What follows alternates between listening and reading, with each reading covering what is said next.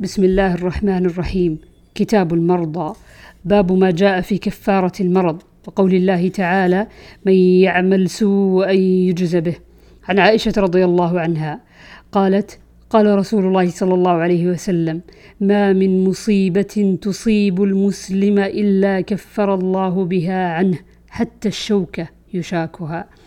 عن أبي سعيد الخدري وعن أبي هريرة عن النبي صلى الله عليه وسلم قال ما يصيب المسلم من نصب ولا وصب ولا هم ولا حزن ولا حزن ولا أذى ولا غم حتى الشوكة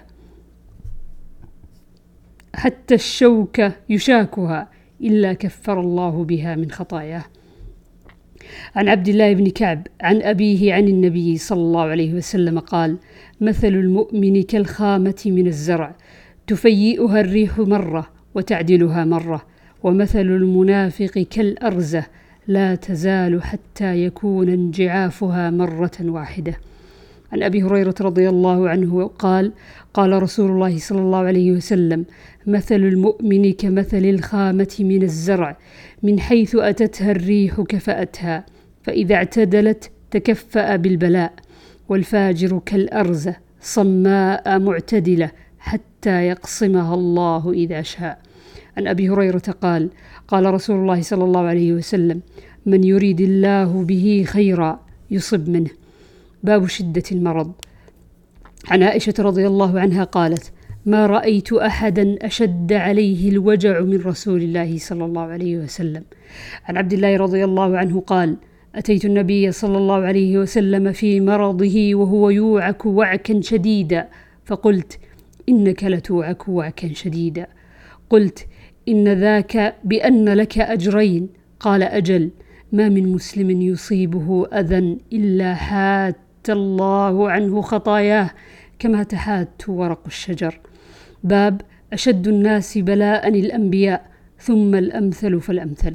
عن عبد الله قال دخلت على رسول الله صلى الله عليه وسلم وهو يوعك فقلت يا رسول الله إنك توعك وعكا شديدا.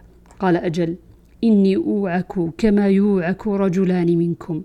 قلت ذلك بأن لك أجرين. قال أجل ذلك كذلك. ما من مسلم يصيبه أذى. شوكة فما فوقها إلا كفر الله بها سيئاته كما تحط الشجرة ورقها. باب وجوب عيادة المريض. عن أبي موسى الأشعري قال قال رسول الله صلى الله عليه وسلم أطعموا الجائع وعودوا المريض وفكوا العاني. عن البراء بن عازب رضي الله عنهما قال أمرنا رسول الله صلى الله عليه وسلم بسبع ونهانا عن سبع. نهانا عن خاتم الذهب ولبس الحرير والديباج والاستبرق وعن القسي والميثرة وأمرنا أن نتبع الجنائز ونعود المريض ونفشي السلام. باب عيادة المغمى عليه. عن جابر بن عبد الله رضي الله عنهما قال مرضت مرضا فأتاني النبي صلى الله عليه وسلم يعودني وأبو بكر وهما ماشيان فوجداني أغمي علي. فتوضأ النبي صلى الله عليه وسلم ثم صب وضوءه علي فأفقت. فإذا النبي صلى الله عليه وسلم فقلت يا رسول الله كيف أصنع في مالي؟ كيف أقضي في مالي؟ فلم يجبني بشيء حتى نزلت آية الميراث. باب فضل من يصرع من الريح. عن عطاء بن أبي رباح قال قال لي ابن عباس ألا أريك امرأة من أهل الجنة؟ قلت بلى. قال هذه المرأة السوداء. أتت النبي صلى الله عليه وسلم قالت إني أصرع وإني أتكشف فادعوا الله لي. قال إن شئت صبرت ولك الجنة. وإن شئت دعوت الله أن يعافيك. فقالت أصبر. فقالت إني أتكشف. فادعوا الله لي ألا أتكشف. فدعا لها. وعن عطاء أنه رأى أم زفر تلك المرأة الطويلة السوداء على ستر الكعبة. باب فضل من ذهب بصره.